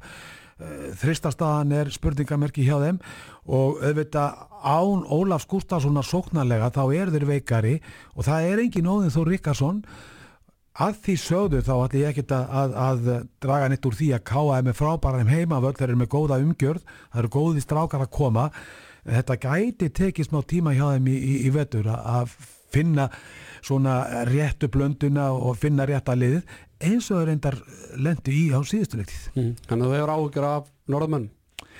Já, ég, svona í fyrstu, meðan við það sem ég hef séð ég sá það að tapa fyrir herði frá Ísafyrði nýluðanum í deildinni og, og það kom mér á óvart og uh, ég sá fleiri leiki með þeim á Ragnarsmótunni, ég sá alla leikina þeirra og það voru brotalamir hjá þeim í liðinu, því Mhm. miður. Svona kannski, já, stórveldi undanfærin 20 ár í íslensku bolta haugarnir. Það eru áhyggjurnar, það, það leina sér ekki heldur þar. Nei, ég fór nú yfir leikmanna hóp haugáður kom hingað og þeir eru í sjálfum sér með mjög vel manna lið, það vil segja að verði Guðmundur Bræði áfram með haugum þá verða haugar á mjög svipuðum slóðum þau voru á síðustu leiktíð en auðvitað eru haugarnir eins og mörgunni lið háðir markuslinni Aron Rappn hefur ekkert spilað Spilar ekkert fyrir árumót? Nei, öruglega ekki. Þannig að, að þetta er stórt spurningamerki en leikmanna hópur hauka er mjög góður. Það reyndir leikmenn með Guðmund Braga. Verða haukar í baráttinu um fjögur eftir sætin í deildinni en án hans gætu lendi miklum vandræðum. Mm Algjörlega sammála því.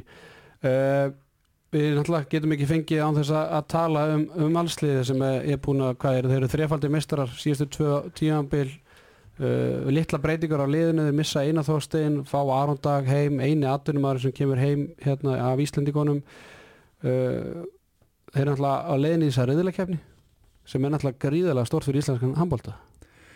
Já, þetta er risastökk og það sem meira er að þeir komast í þessa riðlakefni á, á eigin verleikum, þeim fengi ekki valdkart, þetta var stigasöfnum vals síðustu ár í Európa-kefninni sem segir okkur það að þeir hafa verið að standa sig vel Valur uh, réttilega uh, eins og þú sagðir hefur verið með afar gott lið síðastlegin ár og ég held síðustu þrjú ár líklega besta lið Íslands. Liðið er gríðarlega vel mannað. Þeir eru með valin manni hverju einasta rúmi. Jafnvel þú hafi mist einar þósteina þá eru þeir með góða leikmenn í öllum stöðum. Þeir spiluð á síðustu leikti í 44 leiki. Nú verða leikinin miða við að þeir gera það sama þá verða það 54 þetta er gríðarlegur leikjafjöldi og þetta útheimtir gríðarlegt eh, sko, gríðarlega mikla einbindningu og þetta verður rosalegt álag. En ef eitthvað lið getur komið til gegnum það þá er það valur. Mm En heldur þetta hafi einhver áhrif á dildakefnina fyrir valsarana hérna heima? Já, svona í uppafið þá sko myndi maður að segja já. Einfallega vegna þess að þeir hljóta þurfa að stýra álæginu á sína leikmenn þannig að, að eh, þeir munu nota marga leikmenn í deildinni, þeir munu dreifa álæginu á hópin eins mikið og þeir mögulega geta. Auðvitað tekur það tíma að fá menni svo Aron Dag í, í stand. Það tekur hann tíma, það tekur hann einhverja vikur að komast í þennan rithma sem Valur hefur verið að spila í þennan hraða og þetta tempo. og svo náttúrulega mun það hafa áhrif á þá strax í byrjun held ég að þeir þurfa að finna takt varnarlega eftir að missa Einar Þorstein sem mér fannst besti varnamaður deildarinnar ekki bara í fyrra heldur síðastliðin tvö ár. Mm Og já, ég meina en eins og segir, Aron Dag kemur inn og ég sé að þeir, hann hefur verið að spila fyrir framann í, í fimmveiturðinni Já, ég hef séð tvo æfingarleikjum í val, hann hefur verið fyrir framann, hann hefur spilað þrist, þannig að þeir eiga væntalega eftir að finna taktinn þar, en þeir eru að fara að spila á móti ógnar sterkum liðum í Európa-deildinni, þeir geta fengið lið eins og Kandetten, Schaffhausen, Fuchse, Bellin, Skjern, eh, Benfica, eh, sko, nefndu það bara, Flensburg er þarna líka, Beringbro, Já, Silkeborg, dönskuliðin, eh, X eða Pák, mm frá Fraklandi þannig að Valur er að fara í mjög skemmtilegt verkefni og þetta er ekki bara mikilvægt fyrir Val þetta er gríðarlega mikilvægt fyrir handbóltan í Íslandi og ekki síst deildina þetta setur deildina í raun í allt annað samhengi og allt annað styrk heldur hún hefur verið síðastliðin 2-3 ár. En Valur sannlega þeir eru með öflugan hóp, öflugt lið uh, og uh, góða umgjörð og þetta er nú kannski það lið á Íslandi sem kemst næst því að æfa á svipuðum nótum og atvinnumannaliðin í, í Evrópu. Þú kemst ekkit nær atvinnumennsk á Íslandi heldur en að spila með val. Mhm. Já, ekki eins og staðinu í dag allavega.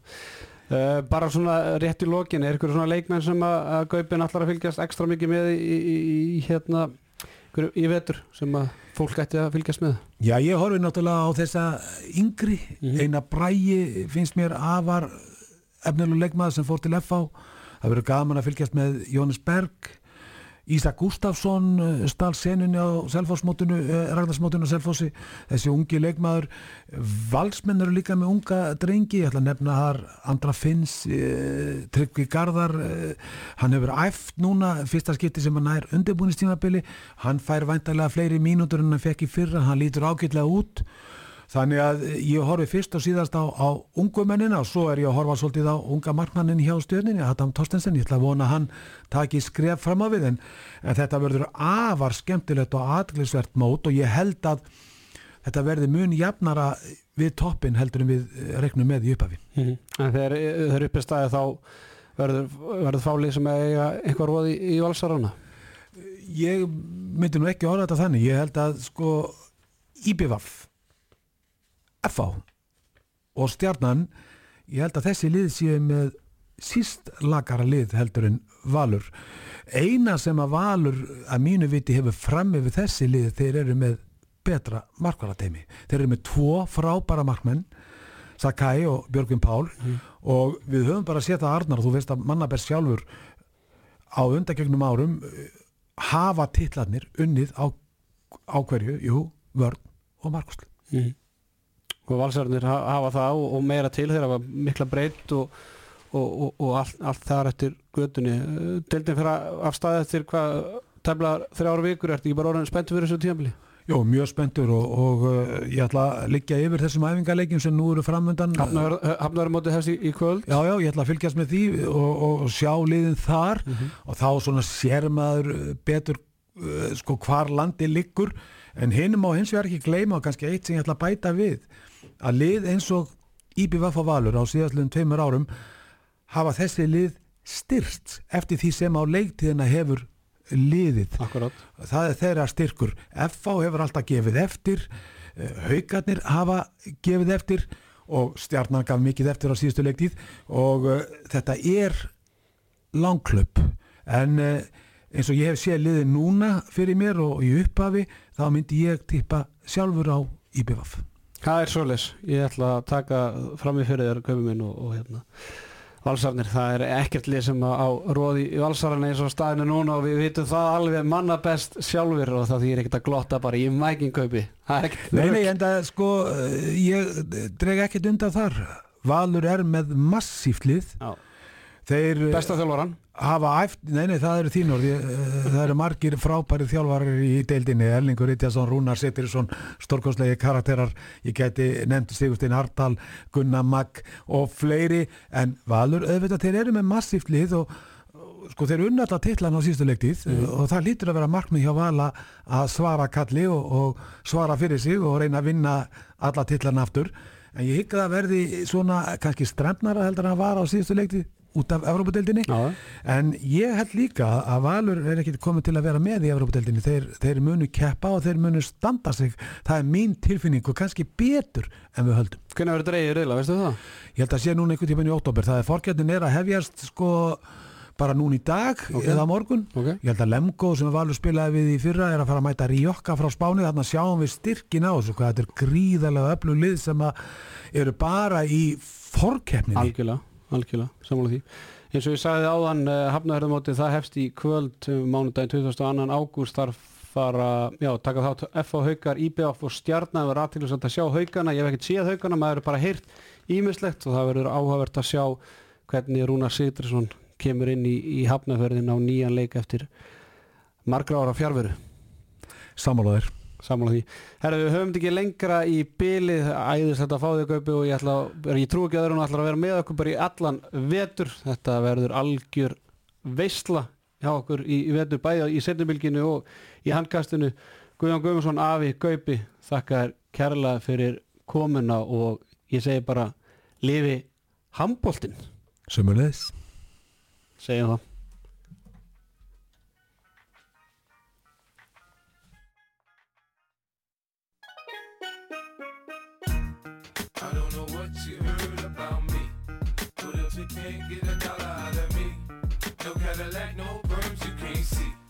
then I'm a B-I-M-B. I am I do not know what you heard.